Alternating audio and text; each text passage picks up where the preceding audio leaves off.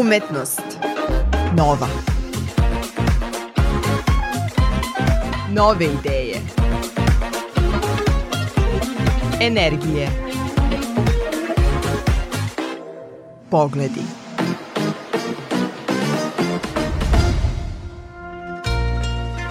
Dobar dan. Dobrodošli u emisiju Umetnost Nova. Ja sam Ana Čupić. Sa nama je danas game dizajner Vukašin Šoć.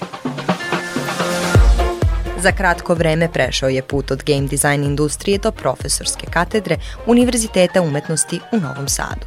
Iako je vizualni umetnik, zvuk mu je osnovni materijal.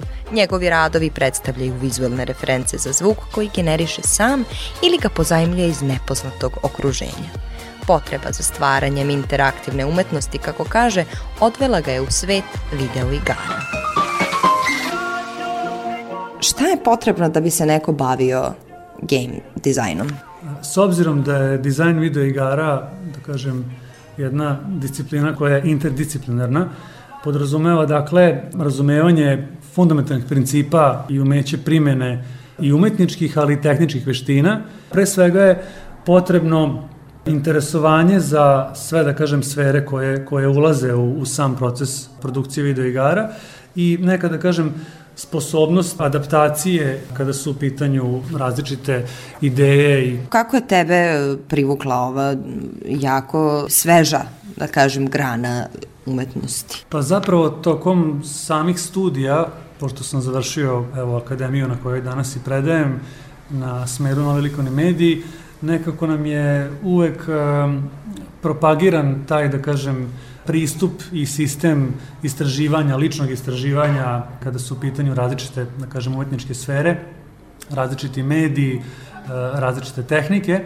Nakon završetka osnovnih i master studija, nekako sam pronašao sebe u, u svetu videoigara, koje smo naravno svi igrali tokom detinjstva i to je već, da kažem, neka stara priča, ali sam zapravo želeo da stvorim nešto što će uh, zapravo biti interaktivno, nešto što će imati, da kažem, direktan uticaj na publiku, na posmatrača, na korisnika, ako mogu tako da kažem, na igrača, Ovaj, tako da sam proveo dobrih 7-8 godina u industriji videoigara na različitim pozicijama, što je opet interesantno s obzirom da ovaj svoje znanje počinjete tek da gradite i svoje veštine kada uđete u samu industriju, što se nekako ovaj, sad pokazalo kao, kao tačnim pratići ove naše, da kažem, generacije.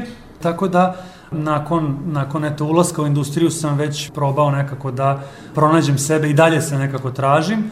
Tako da nekako eto ta versatilnost koja, koju nudi ova industrija uvek pomaže, kažem, ljudima koji nekako uh, svoje talente pokušavaju da izraze na različite načine. Kako izgleda jedan proces? Uvek sve počinje od ideje.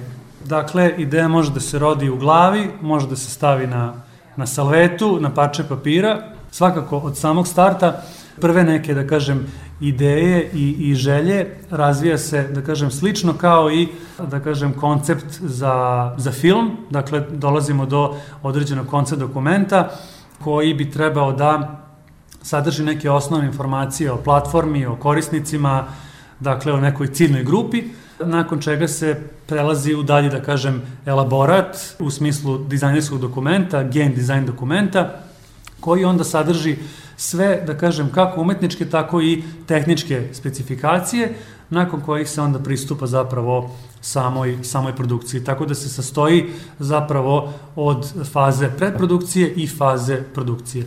Malo čas dok smo razgovarali, rekao si da si u tom poslu konkretno bio nekih sedam godina i složili smo se da je to dug period za virtualni svet. Nakon toga dolaziš na akademiju i počinješ da radiš kao profesor na najmlađem smeru Akademije umetnosti u Novom Sadu, odnosno konkretno u smeru game dizajna. Kako to izgleda i šta te navelo da, da dođeš ovde? Nakon provedenih sedam godina u industriji i, da kažem, vežbajući svoje veštine na različitim pozicijama unutar produkcije videoigara, ovaj, osetio sam nekako želju da bih e, voleo da se ne, zapravo vratim u svoju matičnu kuću na Akademiju umetnosti i da ovaj, nastavim uz rad u industriji u kojoj se i dalje, da kažem, nalazim, da zapravo ovaj, mladim studentima ponudim, eto da kažem, neku količinu svog, svog znanja i pripremim ih za ulazak u ovu, u ovu sferu rada. Bio je to Vukašin Šoć u emisiji Umetnost Nova. Veseli petak želi vam Ana Čupić.